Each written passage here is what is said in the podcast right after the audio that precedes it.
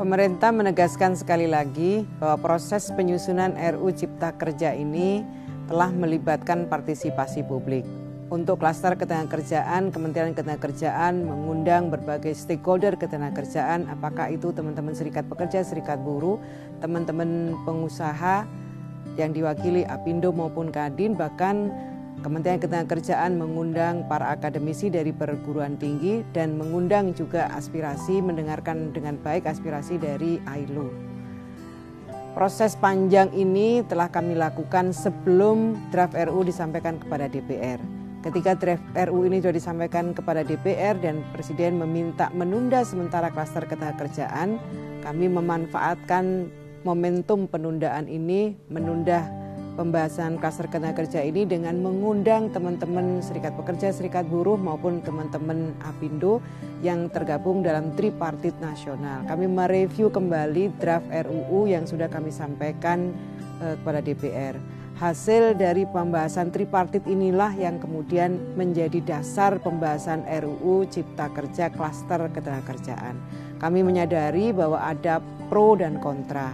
Pro dan kontra adalah hal yang wajar dalam dinamika sosial maupun politik. Dan kami semampu mungkin berusaha keras mendekatkan pandangan antara teman-teman serikat pekerja, serikat buruh dengan teman-teman pengusaha.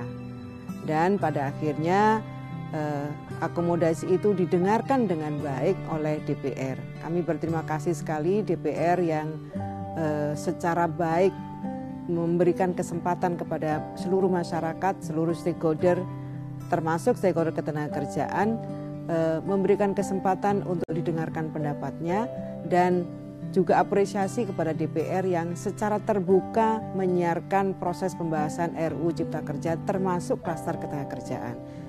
Kita bisa melihat secara langsung, masyarakat bisa melihat secara langsung karena disiarkan melalui TV parlemen, kemudian ada kanal-kanal media sosial yang dimiliki oleh DPR. Jadi prosesnya secara terbuka, masyarakat juga memberi diberi kesempatan untuk menyampaikan aspirasinya. Ada prinsip umum yang dipatuhi dalam penyusunan klaster ketenagakerjaan RU Cipta Kerja ini. Yang pertama, eh, penyusunan ketentuan klaster ketenagakerjaan ini memperhatikan hasil putusan Mahkamah Konstitusi atas uji materi terhadap Undang-Undang 13 tahun 2003 Kemudian ketentuan mengenai sanksi ketenaga kerjaan dikembalikan kepada Undang-Undang Nomor 13 Tahun 2003. Ini saya perlu sampaikan prinsip umum. RU Cipta Kerja tetap mengatur syarat-syarat dan perlindungan hak bagi pekerja atau buruh PKWT. Yang ini menjadi dasar dalam penyusunan perjanjian kerja. Di samping itu juga RU Cipta Kerja ini mengatur perlindungan tambahan berupa kompensasi kepada pekerja atau buruh pada saat berakhirnya PKWT. Jadi yang baru adalah eh, ada perlindungan bagi pekerja eh, pada saat berakhirnya PKWT. Yang sebelumnya di Undang-Undang Nomor 13 2003 tidak ada perlindungan seperti ini. Yang berikutnya adalah syarat-syarat dan perlindungan hak bagi para pekerja dalam kegiatan alidaya atau outsourcing masih tetap dipertahankan. Bahkan dalam RUU ini memasukkan prinsip pengalian memasukkan prinsip pengalian perlindungan hak bagi pekerja atau buruh apabila terjadi pergantian perusahaan alidaya. Hal ini sesuai dengan amanat e, putusan Mahkamah Konstitusi.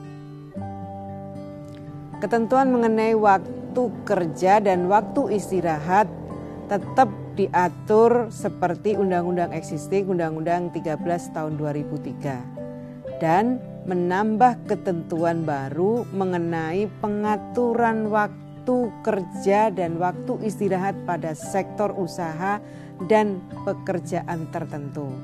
Hal ini untuk mengakomodir tuntutan perlindungan bagi pekerja atau buruh pada bentuk-bentuk hubungan kerja dan sektor tertentu yang di era ekonomi digital ini sangat berkembang dan sangat dinamis.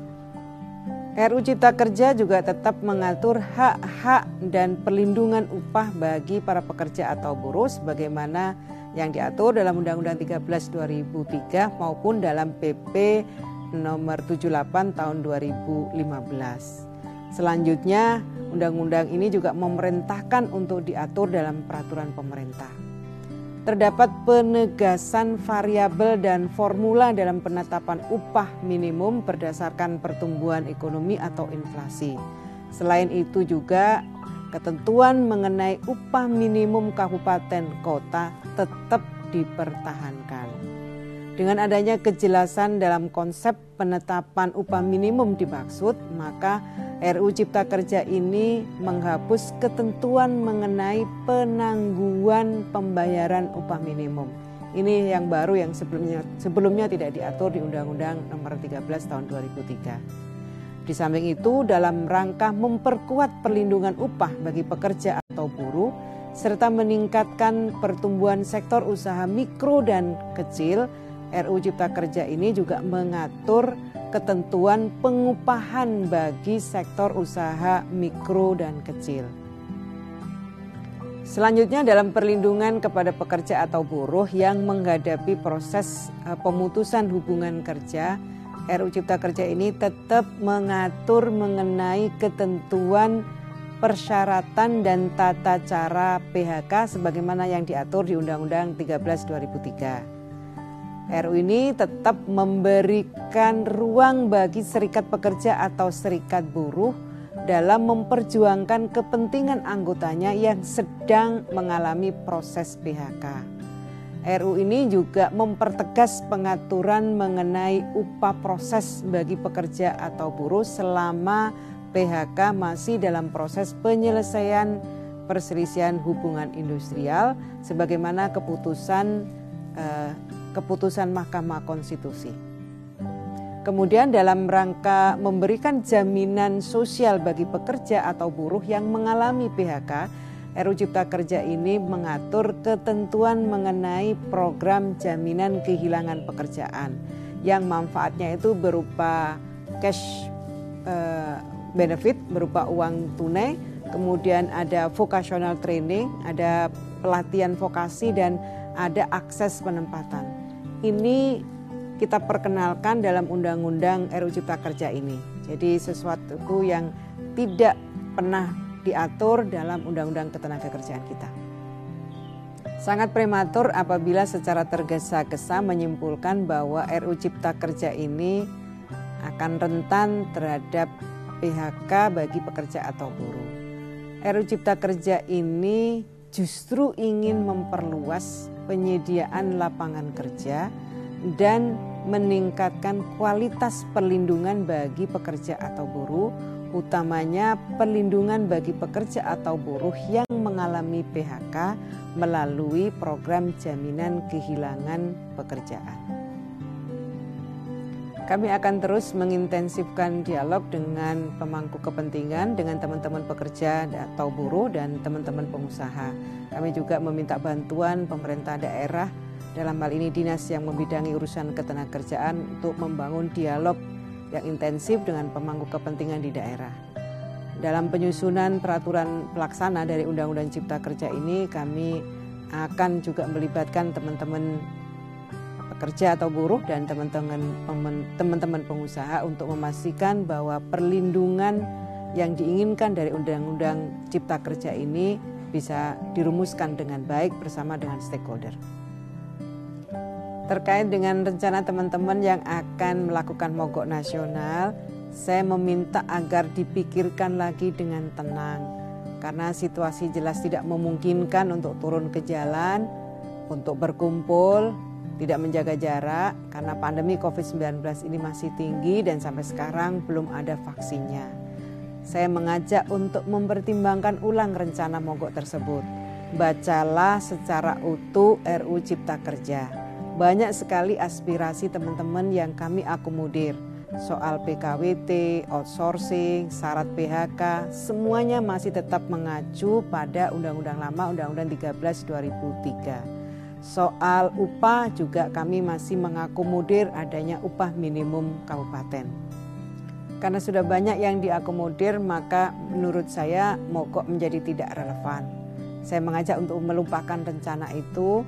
Saya mengajak untuk tidak mengambil resiko membahayakan nyawa teman-teman semua. Istri, suami, dan anak-anak kalian juga butuh sehat. Mereka harus tetap kita jaga agar tetap selalu sehat. Saya kembali mengajak kita duduk bareng dengan semangat untuk melindungi yang sedang bekerja dan memberi pekerjaan bagi yang masih menganggur. Saya menunggu kehadiran teman-teman di meja dialog, bukan di jalanan. Saya percaya kita selalu bisa menemukan jalan tengah yang memenangkan kita semua. Kita harus berupaya, terus berupaya, terus berupaya menyalakan lilin dan bukan menyalakan kegelapan.